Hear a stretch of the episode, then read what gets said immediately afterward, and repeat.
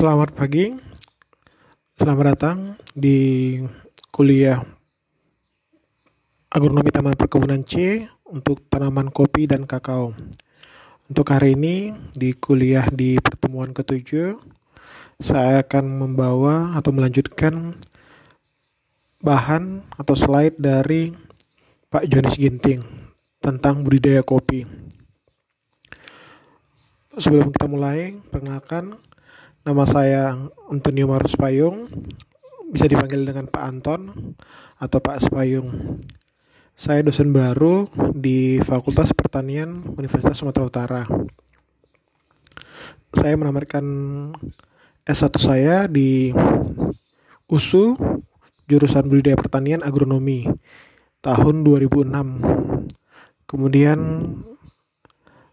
saya melanjutkan kuliah S2 di USU juga tahun 2016 kemarin. Saat ini saya sudah menikah dengan satu istri dan belum ada anak. Sehari-hari saya sebagai staf pengajar juga di kampus swasta dan sebagai peneliti terkait dengan isu lingkungan dan kehutanan serta untuk kelapa sawit di NGO atau di, bisa dibilang kata orang lembaga swadaya masyarakat.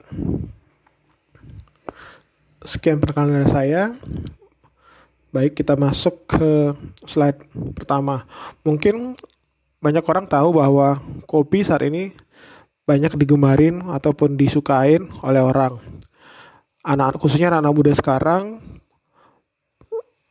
kecenderungan atau kecenderungan untuk meminum kopi meningkat ditandai dengan banyaknya dibuka gerai-gerai kopi baik dia itu gerai kopi yang tradisional maupun yang sudah bertaraf premium ataupun yang sudah masuk ke mall-mall.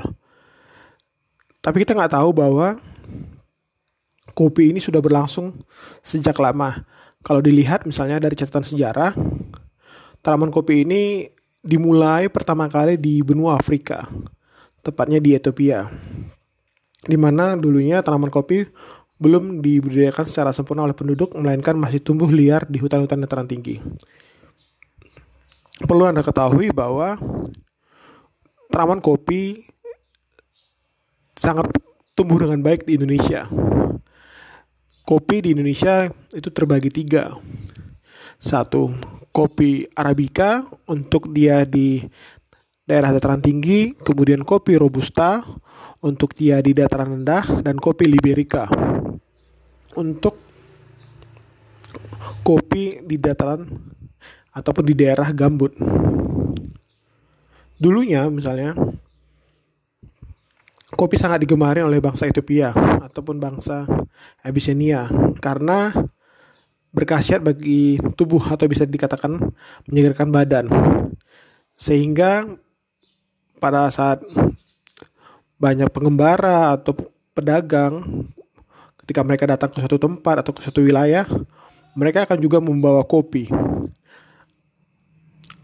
ke negara-negara Arab, Persia, ataupun Yaman.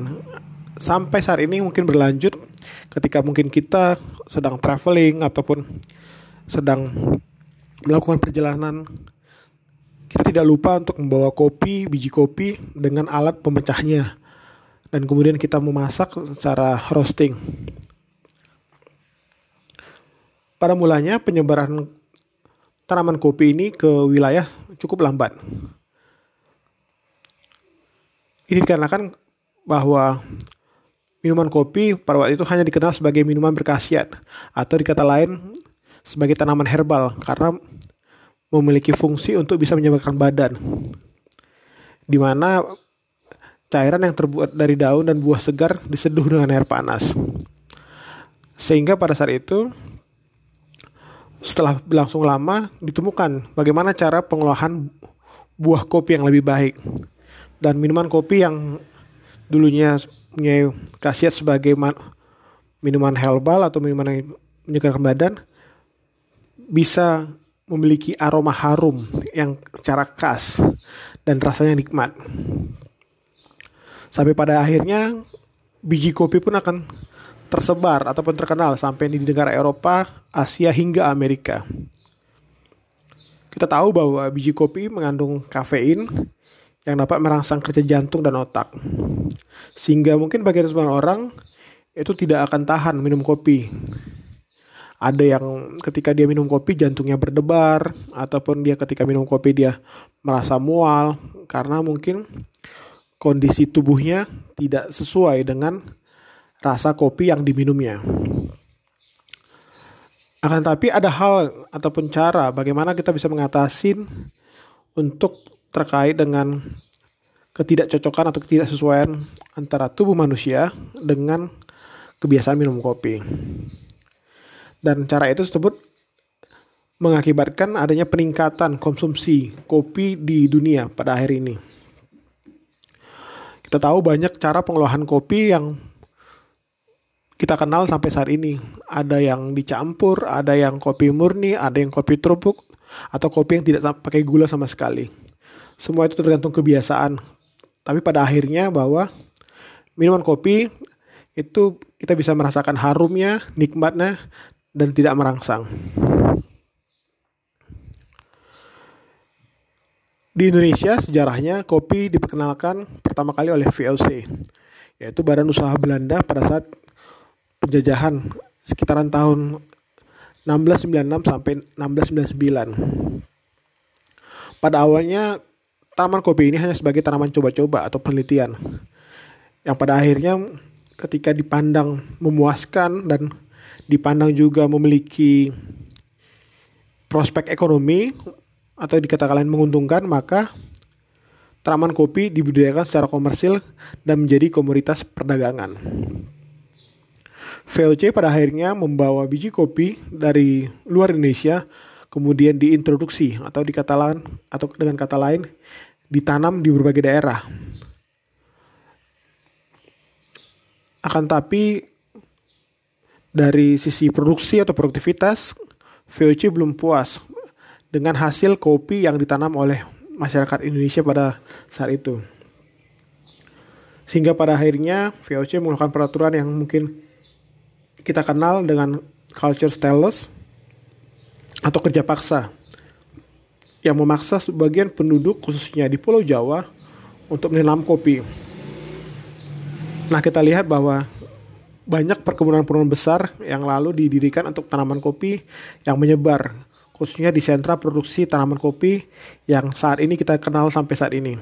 Contohnya di daerah Lampung, Sumatera Barat, Sumatera Utara, Sumatera Selatan, dan berbagai daerah di Indonesia.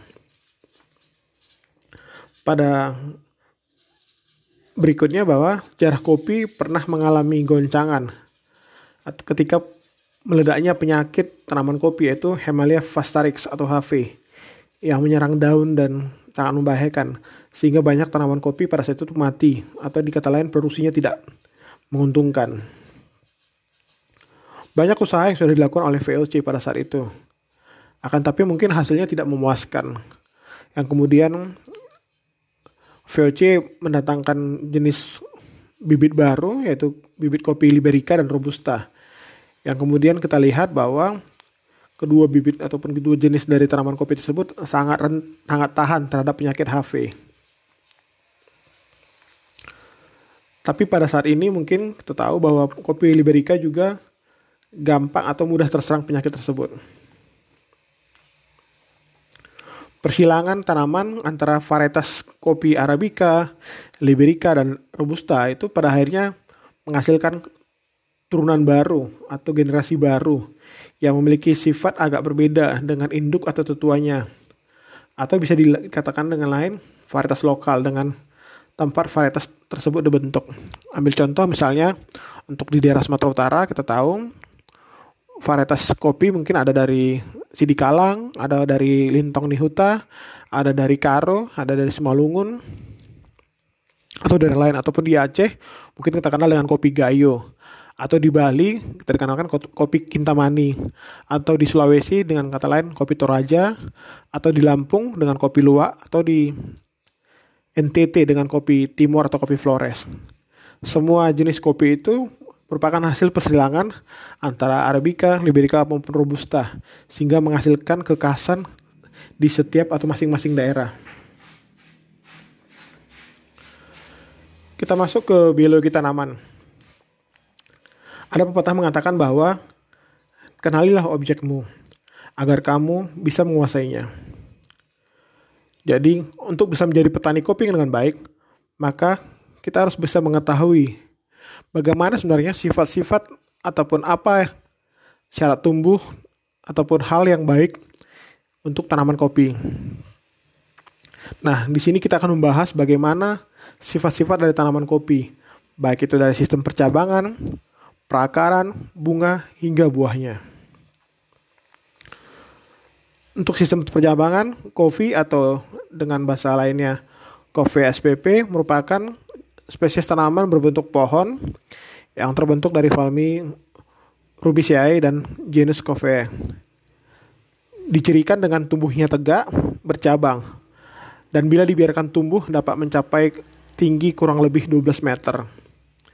Daunnya berbentuk bulat telur dengan ujung agak runcing Daun tumbuh berhadapan pada batang, cabang, dan rantingnya.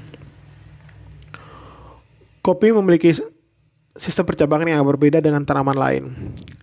Tanaman ini mempunyai beberapa jenis cabang yang sifat dan fungsinya agak berbeda.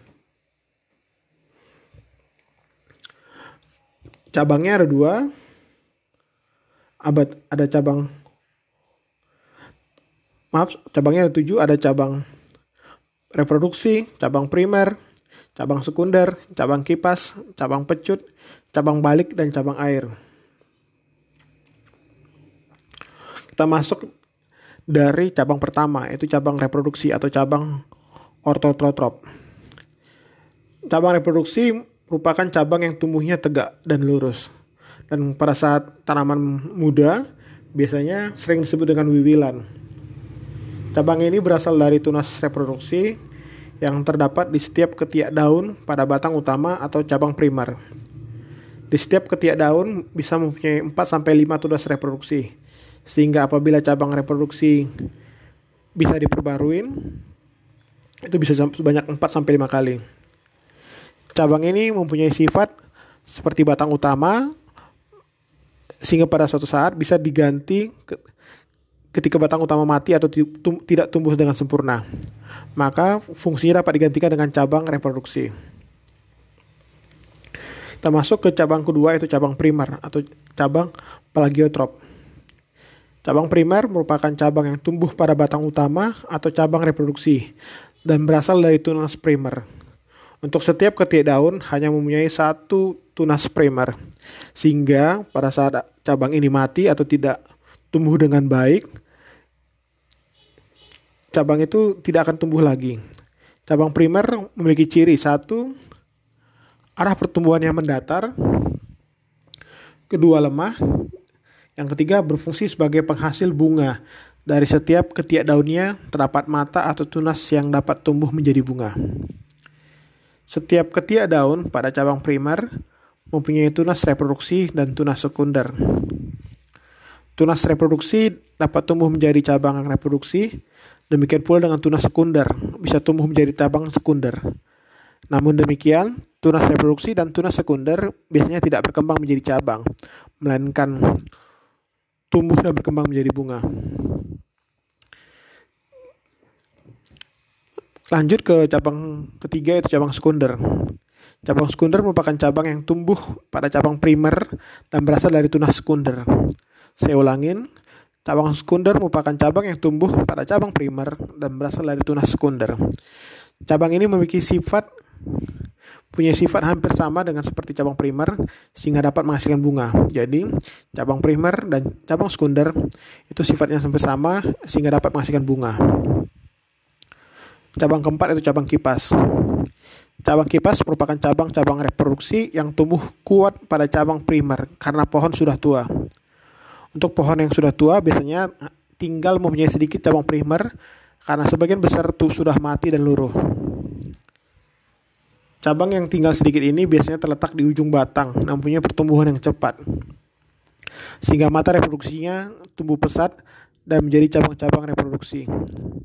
Cabang reproduksi ini biasanya sebagai seperti batang utama dan sering sebagai disebut sebagai cabang kipas.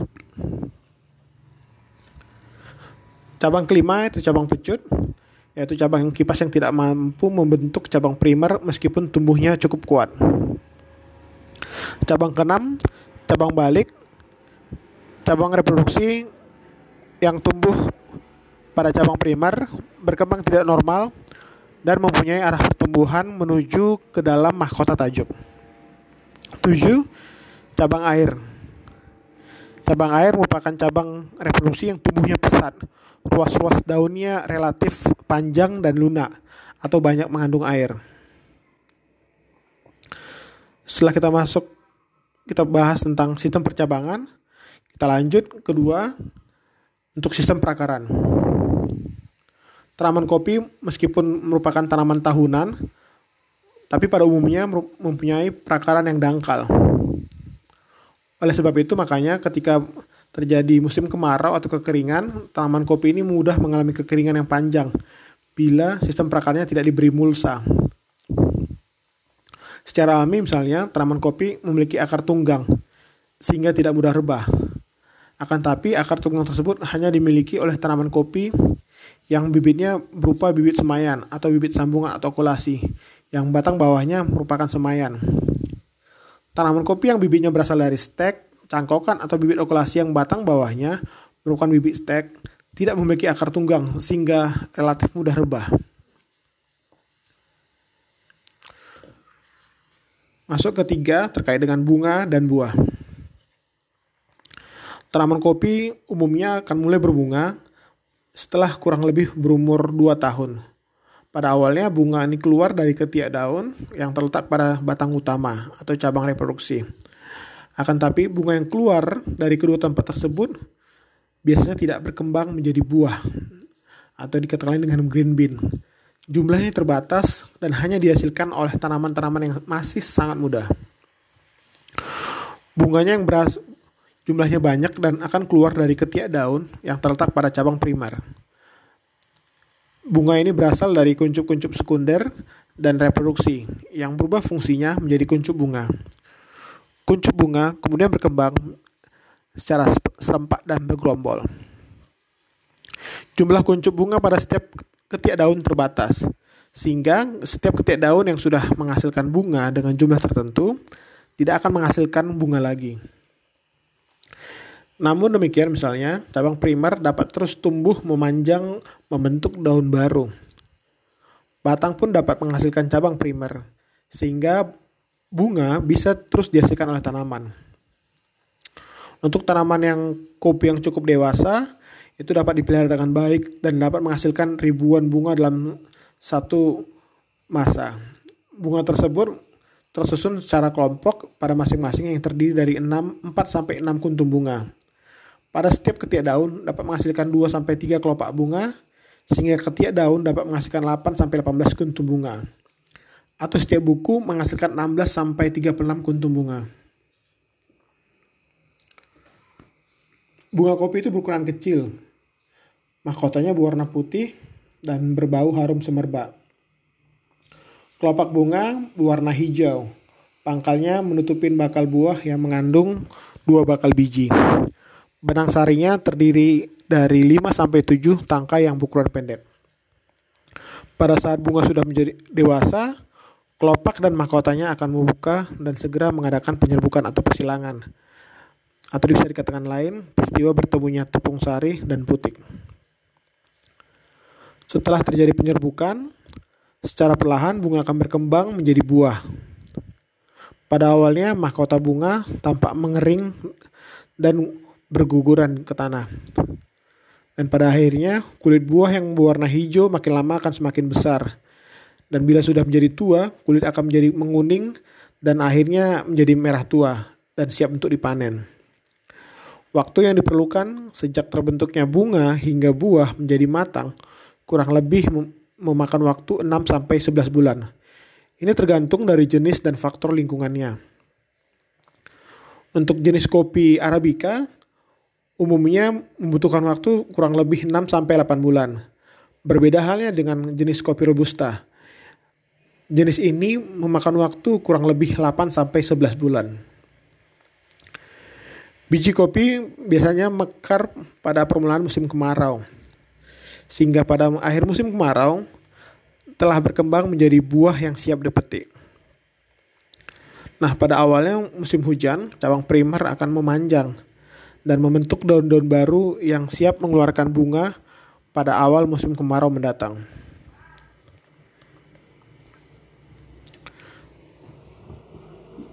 Selesai dari bunga dan buah, kita masuk dengan materi cara penyerbukan tanaman kopi. Tanaman kopi menurut cara penyerbukannya dibedakan menjadi dua jenis. Pertama adalah kopi self-sterile dan kopi self-fertile. Kopi self-sterile merupakan jenis kopi yang tidak akan menghasilkan buah bila bunganya mengadakan penyerbukan sendiri atau self-pollination.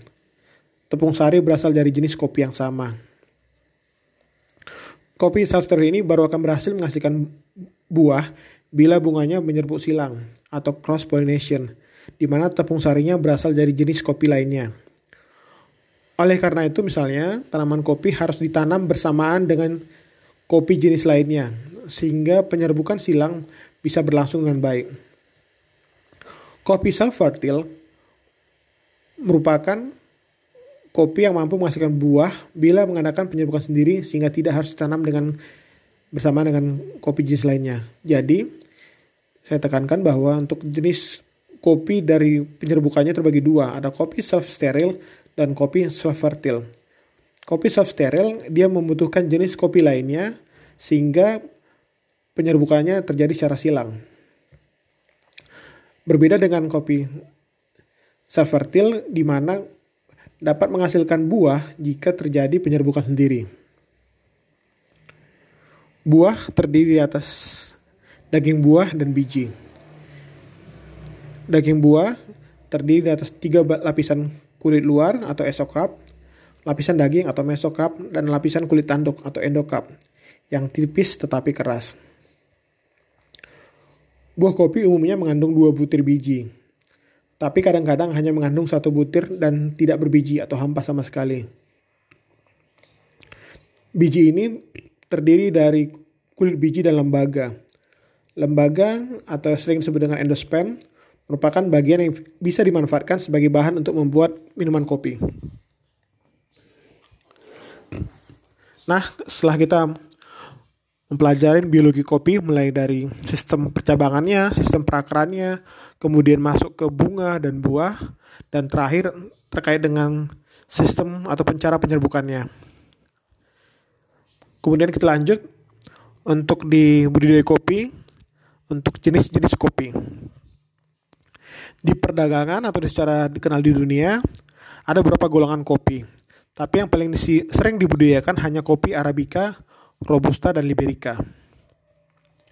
Pengelolaan kopi tersebut pada umumnya didasarkan pada spesiesnya, kecuali kopi Robusta.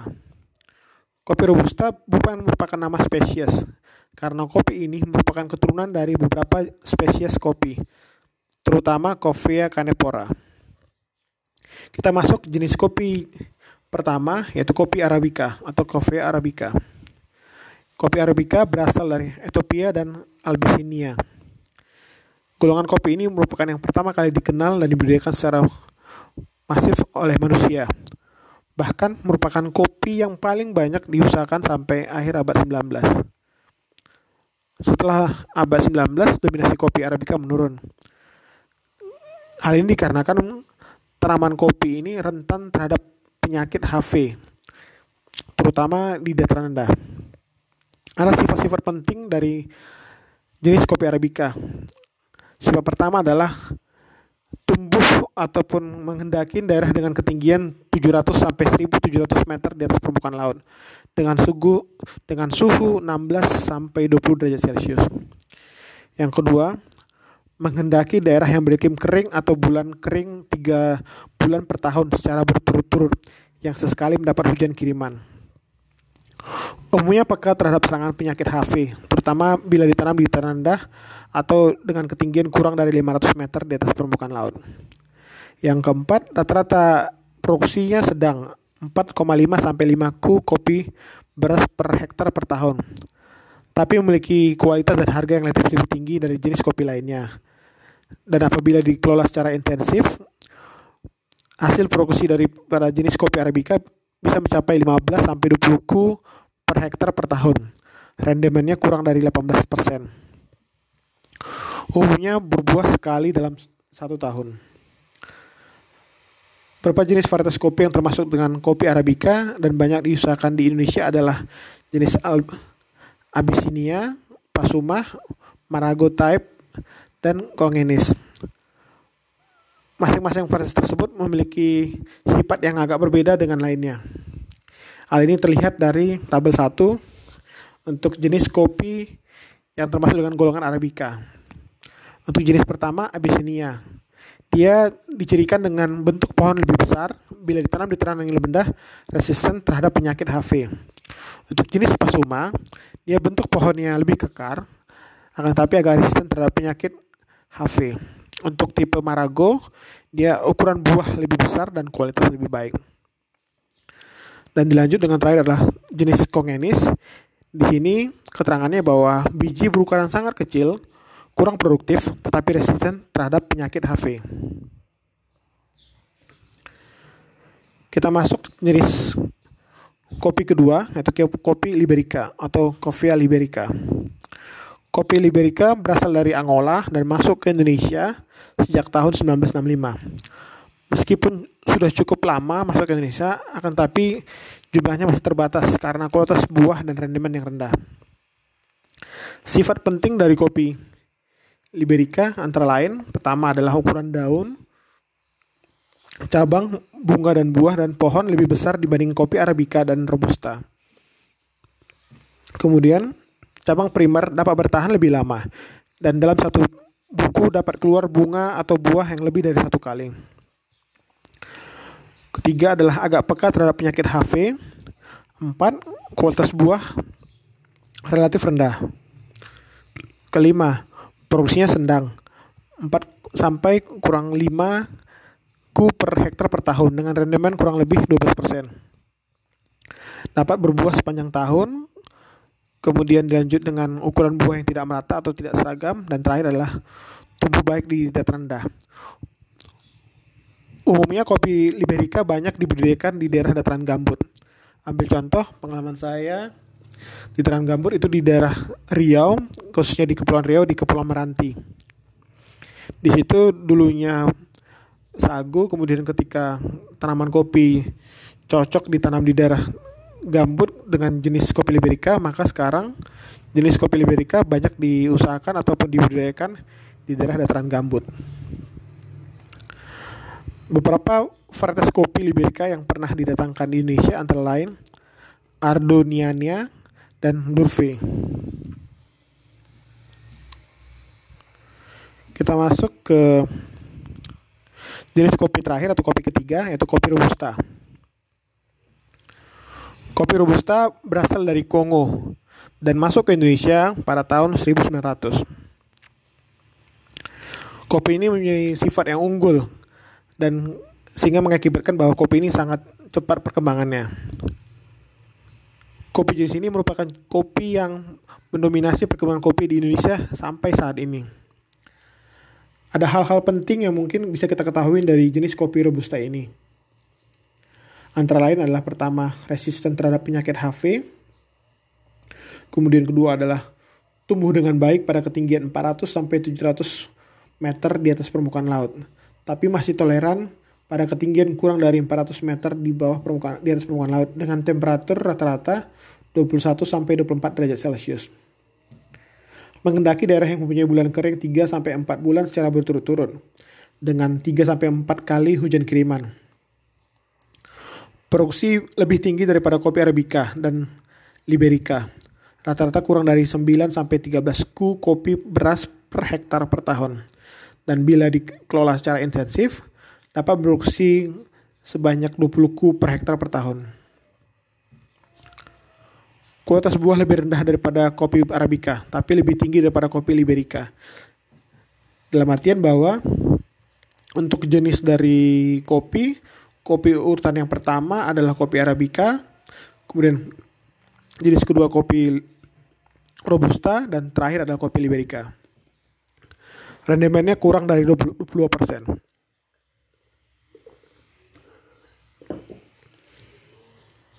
Beberapa varietas kopi robusta yang ada kita kenal adalah jenis Coelho, Uganda, Canepora yang sifat-sifatnya dapat kita lihat di tabel kedua. Jenis satu varietas pertama adalah Kolo.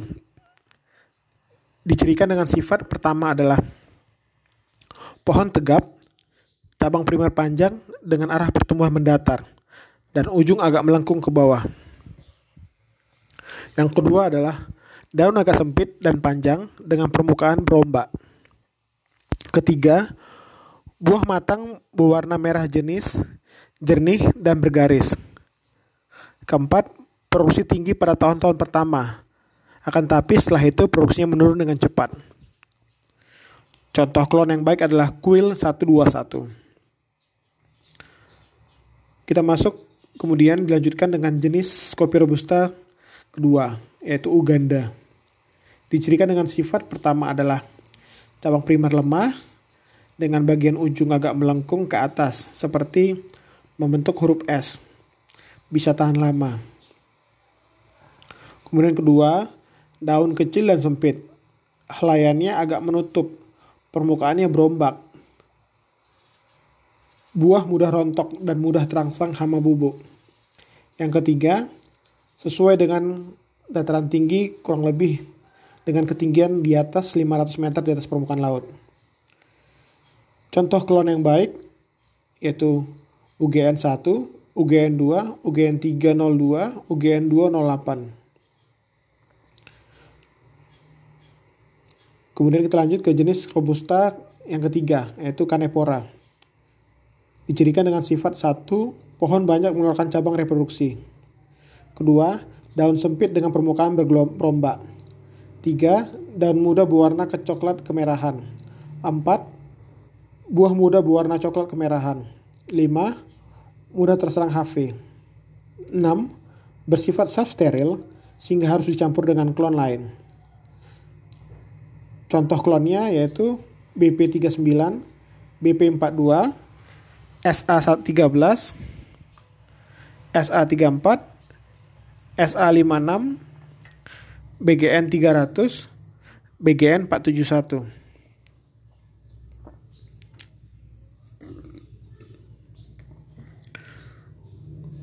Setelah kita tahu bahwa kita jenis kopi ada tiga. Pertama adalah Arabica, kedua ada Robusta, ketiga adalah Liberica. Nah, setelah kita belajar tentang jenis kopi, kita masuk ke golongan kopi. Golongan kopi itu ada dua. Pertama adalah golongan excelsa, dan kedua adalah golongan hibrida. Untuk golongan excelsa, ini kopi golongan excelsa mempunyai adaptasi iklim yang lebih luas, seperti kopi liberica, dan tidak terlalu peka terhadap penyakit HV. Jenis kopi ini banyak dibudidayakan di daerah orang di dataran rendah yang basah, yaitu suatu daerah yang tidak sesuai dengan kopi robusta dicirikan dengan memiliki cabang primer yang bisa bertahan lama dan berbunga pada batang yang tua. Batangnya kekar dan memerlukan jarak tanam yang relatif lebar. Kopi excelsa ini berbuah lambat, buahnya relatif kecil dan tidak seragam, seperti kopi liberica. Adapun kelemahan dari jenis kopi ini adalah kurang laku di pasaran, meskipun harganya sering lebih tinggi daripada kopi robusta. Beberapa klon yang baik adalah Excelsa BGN 121, XCBGN 12110 yang sering pula disebut yang pura yang sering pula digunakan sebagai batang bawah. Kemudian golongan kedua adalah golongan hibrida. Golongan hibrida merupakan turunan pertama hasil perkawinan antara dua spesies atau varietas kopi, sehingga mewarisi sifat super unggul di kedua induknya. Namun demikian, keturunan dari golongan hibrida tidak mempunyai sifat yang sama dengan induk hibridanya. Oleh karena itu, pembiakannya hanya secara vegetatif. Dengan kata lain, diperbanyak dengan cara stek, sambungan, dan lain-lain. Beberapa sifat kopi hibrida yang sering ditanam dapat dilihat pada tabel 3. Untuk kopi hibrida, untuk tetua Arabica dan Liberica. Dicirikan dengan sifat Pertama adalah produksi tinggi, tapi rendemennya rendah. Kemudian kedua, bersifat self-fertile atau menyerbuk sendiri. Ketiga, untuk batang bawahnya dapat menggunakan golongan excelsa atau robusta. Contohnya kawisari B dan kawisari D. Kemudian untuk jenis kopi hibrida perkawin antara arabica dan robusta dicirikan dengan sifat. Yang pertama, cabang primer itu dapat bertahan dengan cukup lama. Kemudian hasil hibrida ini sangat peka terhadap serangan HV dan buah. Kemudian dapat berbuah sepanjang tahun. Sama seperti jenis kopi hibrida Arabica Liberica, Arabica dan Robusta juga bersifat self-fertile atau menyerbuk sendiri. Kemudian tumbuh dengan baik di dataran tinggi yang lembab dan menghasilkan produksi yang tinggi. Akan tapi sangat mudah atau rentan diserang jamur upas. Bijinya berbentuk gepeng dan agak lonjong. Untuk batang bawahnya dapat menggunakan golongan excelsa. Salah satu contoh dari jenis kopi hibrida perkawinan antara Arabica dan Robusta adalah Konuga. Saya rasa sekian dulu untuk kuliah di pertemuan ketujuh terkait dengan budidaya kopi. Kita kita ulang sedikit bahwa kopi berasal dari Afrika. Kita belajar tentang sejarah kopi, kemudian biologi tanaman kopi, dan terakhir jenis-jenis kopi. Kalau ada yang mau bertanya, saya buka sesi tanya jawab, mungkin kurang lebih 15 menit sebelum nanti kita ada sedikit kuis. Terima kasih. Selamat pagi, selamat datang kembali di kuliah Agronomi Taman Hortikultura untuk di pertemuan ketiga. Seharusnya kuliah ini diadakan minggu lalu sebelum kampus ditutup, akan tapi misalnya karena suatu hal kampus akhirnya di liburkan dan mahasiswa belajar dari rumah. Di sini untuk di mata kuliah agronomi Taman Hortikultura kita akan mempelajari tentang agronomi tanaman nenas. Nah, mungkin kita semua sudah paham tentang tanaman atau buah nenas. Kita tahu bahwa tanaman buah merupakan salah satu cabang dari tanaman hortikultura. Di pertemuan ketiga ini diharapkan mahasiswa dapat menjelaskan tinjauan umum mengenai tanaman nanas. Morfologi tanaman nanas, cara perbanyakan tanaman, kemudian klasifikasi tanaman, dan terakhir adalah penggolongan tanaman nanas. Kita masuk di pendahuluan. Kita tahu bahwa di dalam menghadapi era ekonomi global dan perdagangan bebas, produk hortikultura, terutama buah-buahan, akan menghadapi persaingan ketat buah-buahan yang bermutu tinggi dengan volume yang cukup dan tersedia secara kontinu merupakan kunci dalam persaingan tersebut. Nenas contohnya merupakan salah satu tanaman buah yang mempunyai kontribusi sebesar 8% dari produksi buah segar dunia. Dan negara kita Indonesia merupakan negara penghasil nenas segar dan olahan terbesar ketiga setelah negara Thailand dan Filipina. Di dalam kandungan 100 gram buah nanas terdapat berbagai macam kandungan seperti air sekitar 80 sampai 86%, gula 10 sampai 18 gram, asam organik 0,5 sampai 1,6, mineral 0,3 sampai 0,6, kemudian nitrogen 4,5 mg sampai 12 mg dan terakhir adalah protein. Nah, kita tahu bahwa Penanganan pasca panen untuk buah nanas itu dapat diolah menjadi berbagai macam produk seperti jus, selai, sirup, dan keripik. Kita tahu bahwa nanas mengandung bromelain yang dapat menghidrolisis protein.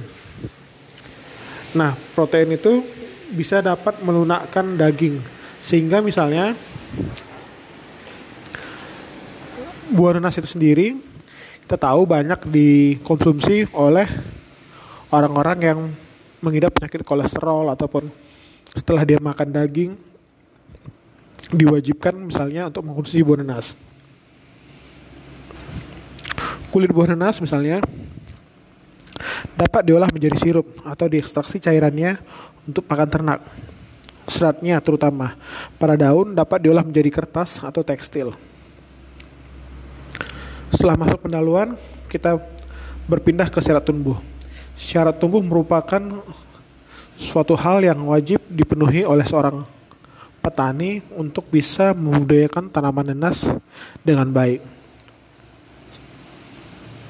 Dicirikan misalnya satu tanaman nanas tumbuh baik di ketinggian 100 meter sampai 800 meter Kemudian tumbuh di suhu temperate atau suhu rata-rata 21 derajat Celcius sampai 27 derajat Celcius.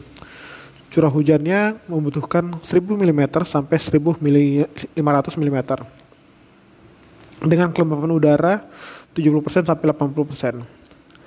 Kemudian nenas tumbuh dengan baik di jenis tanah lempung berpasir sampai berpasir dengan kandungan bahan organik dan pH sekitar 4,5 sampai 6,5. Tanaman nanas merupakan tanaman yang membutuhkan sinar matahari yang baik sehingga kalau tidak ada sinar matahari maka tanaman nanas akan sulit untuk bisa melakukan fotosintesis dan berbuah. Kemudian kita masuk ke varietas. Varietas nanas itu ada beberapa jenis dan yang terkenal adalah jenis smooth cayane dan queen serta spanish. Adapun varietas Spanish itu ada dua macam yaitu red Spanish and green Spanish. Varietas yang dibudidayakan secara luas oleh petani adalah varietas Smooth Cheyenne and Queen. Kita lihat di gambar bahwa di gambar pertama di A buah nanas untuk varietas Smooth Cheyenne. Kemudian di gambar B itu varietas Queen. Kemudian di gambar C itu Red Spanish and dan gambar D adalah Green Spanish cara perbanyakan tanaman. Bibit merupakan salah satu faktor penting dalam budidaya nanas. Bibit yang baik berasal dari tanaman induk yang berkualitas, serta terbebas dari hama penyakit, hama dan penyakit terutama penyakit sistemik.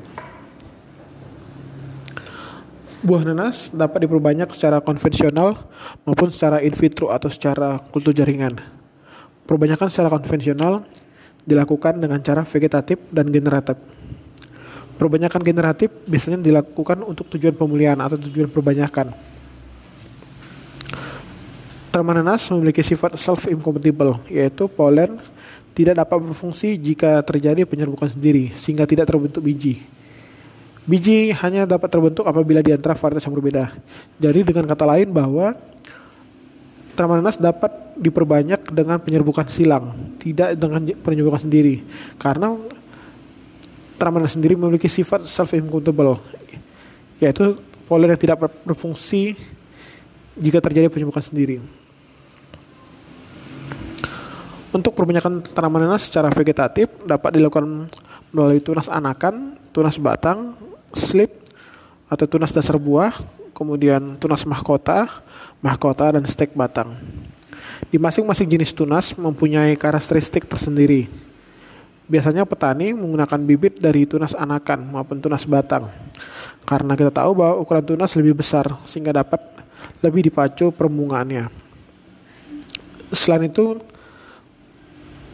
perbanyakan tanaman secara vegetatif itu lebih tahan terhadap penyakit Ceratos kitis kemudian Phytophthora sp dibandingkan dengan tunas dasar buah. Untuk perbanyakan tanaman nas yang di lakukan dengan cara varietas itu harus memiliki jumlah anakan dan slip yang banyak seperti varietas queen. Keuntungannya adalah dalam waktu yang sama ukuran bibit yang dihasilkan lebih besar dengan cara stek batang. Akan tetapi memiliki kekurangan yaitu jumlah bibit yang dihasilkan lebih sedikit. Dalam hal perbanyakan tanaman perlu dilakukan namanya seleksi bibit, yaitu bibit yang mau ditanam harus diseleksi terlebih dahulu.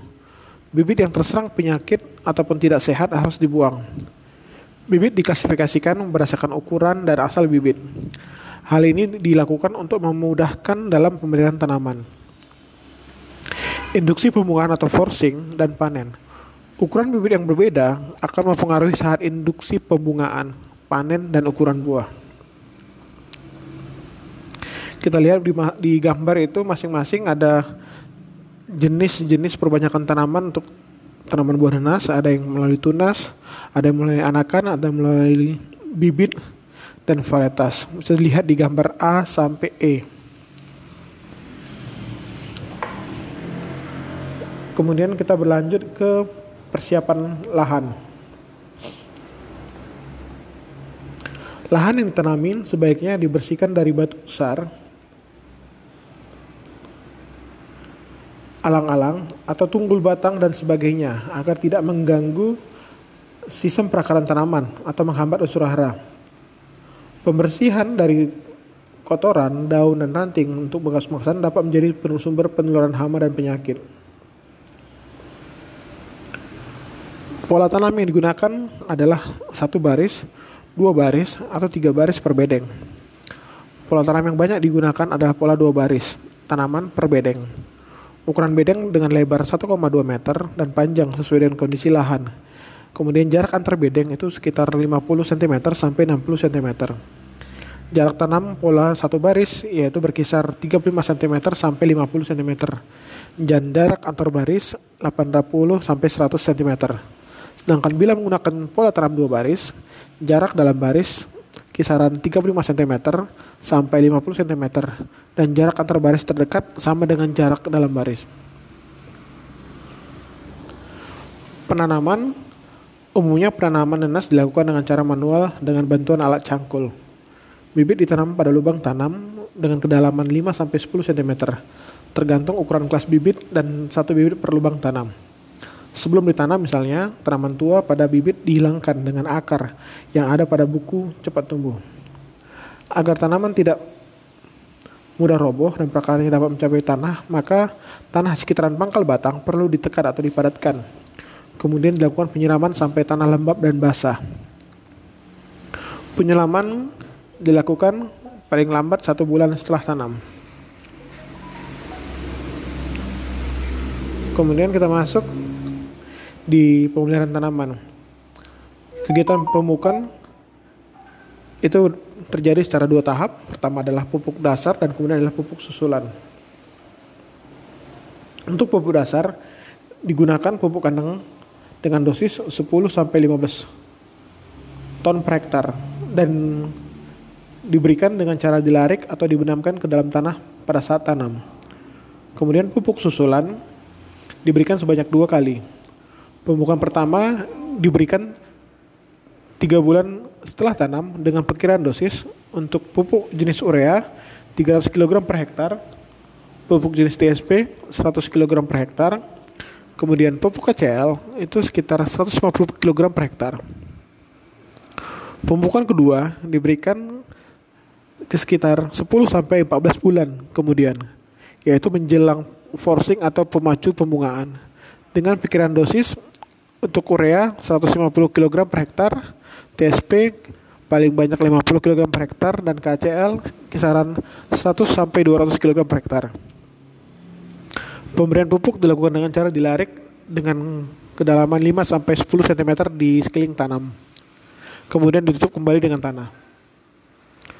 Untuk kegiatan pemilihan tanaman ada empat. Pertama adalah pengairan, kedua adalah pengemburan dan penyiangan, ketiga adalah penjarangan anakan, Keempat adalah perangsangan pembungaan. Untuk kegiatan pengairan, tanaman tenas, tanaman nenas termasuk tanaman yang tahan kekeringan. Pengairan dilakukan apabila curah hujan tidak mencukupi kebutuhan tanaman. Pengairan sangat diperlukan sampai tanaman berumur 1 sampai 2 bulan dan pada umur tanaman selanjutnya sudah menutupi permukaan tanah. Oleh karena itu kita tahu bahwa konservasi air tanah perlu dilakukan melalui tindakan atau cara pengendalian gulma, penggunaan populasi tanaman yang optimum, pengaturan saat tanam, serta pemilihan bibit sehingga dapat mengurangi evaporasi atau penguapan. Kita masuk ke pemilihan tanaman kedua yaitu pengemburan dan penyiangan. Tanaman nanas memiliki perkara yang tumbuh dekat permukaan tanah, pendek dan dangkal. Seperti juga pada tanaman yang lain, tanaman nanas juga membutuhkan udara yang pertumbuhannya. Agar udara tersedia bagi tanaman, lahan pertanaman nenas harus gembur. Pengemburan tanah di sekitar penanaman dapat dilakukan beberapa kali selama pertumbuhan tanaman nenas. Pengemburan dapat dilakukan bersamaan dengan penyiangan dan diupayakan agar tidak merusak akar tanaman. Lanjut ke penjarangan anakan. Penjarangan anakan sebaiknya dilakukan secara teratur agar dapat dihasilkan buah nenas yang berukuran besar dan mutunya bagus. Penjarangan tunas anakan dilakukan mengatur dengan cara mengatur jumlah anakan maksimal dua anakan dalam setiap rumpun untuk perangsangan pembungaan di sini kita tahu bahwa agar tanaman nanas dapat berbunga serentak dan dipanen sesuai dengan keinginan, maka dapat dilakukan cara perangsangan pembungaan. Pembungaan nanas dapat dirangsang dengan menggunakan gas etilen, CA karbida atau menggunakan etel pada saat tanaman berumur 10 bulan atau memiliki daun minimum 20 sampai 30 helai. Proses pemerangsangan pembungaan ini sebaiknya dilakukan pada pagi hari atau sore hari. Adapun cara pembungaan adalah sebagai berikut. Pertama adalah untuk CA karbida atau CaC2. Masukkan 1 gram CA karbida pada pucuk tanaman yang telah berumur 10 bulan. Kemudian pucuk tanaman tersebut disiram dengan air sebanyak 250 ml. Tanaman akan berbunga dalam waktu 1,5 sampai 2 bulan setelah pembunga perlakuan. Kemudian untuk etrel, larutkan 20 gram urea ke dalam 1 liter air. Kemudian dicampur dengan 0,6 sampai 0,8 ml etrel. Setiap titik tumbuh disiram dengan 20 ml larutan tersebut. Dan terakhir adalah gas etilen.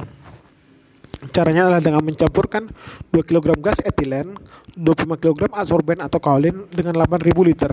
Kemudian semprotkan ke tanaman. Dan terakhir adalah panen. Di sini panen dilakukan setelah pemacuan pembungaan. Penanaman dari anakan dapat dipanen 15 sampai 18 bulan setelah tanam. Bibit yang berasal dari tunas batang dapat dipanen setelah 18 bulan setelah tanam dan bibit yang ditanam dari mahkota dipanen 24 bulan setelah tanam. Adapun ciri ataupun bagaimana kita tahu bahwa tanaman nanas itu bisa dipanen pertama adalah mahkota lebih terbuka, kedua tangkai buah menjadi keriput, yang ketiga mata lebih datar dan bentuknya lebih bulat, keempat warna kulit pada dasar buah mulai menguning. Ada tujuh hal yang perlu diketahui dalam ciri khas untuk mengetahui bahwa tanaman nanas tersebut apakah sudah matang secara fisiologis atau belum.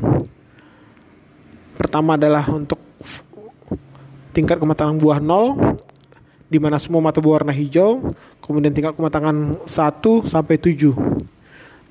Itu bisa dilihat di gambar di slide berikutnya, di mana di gambar 0 itu bahwa semua mata masih berwarna hijau kemudian di gambar 7 mata buah yang berwarna coklat kemerahan dan menunjukkan tanda kebusukan.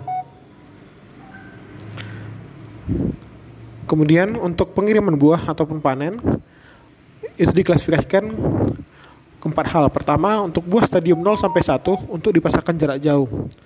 Kemudian buah stadium 2 sampai 4 untuk pabrik pengalengan dikonsumsi segar atau dipasarkan secara jarak dekat. Untuk buah stadium 2 sampai 6 untuk keperluan pengolahan buah. Akan tapi untuk di buah stadium 7 sudah tidak layak dipasarkan. Panen nanas pada umumnya dilakukan dengan cara memotong tangkai buah dan disisakan 6 cm untuk mencegah pembusukan lewat pangkal buah. Sekian rekaman kuliah saya terkait dengan agronomi taman nanas untuk tanaman nenas. Kalaupun ada pertanyaan, silakan diberikan melalui chat di Google Classroom. Terima kasih.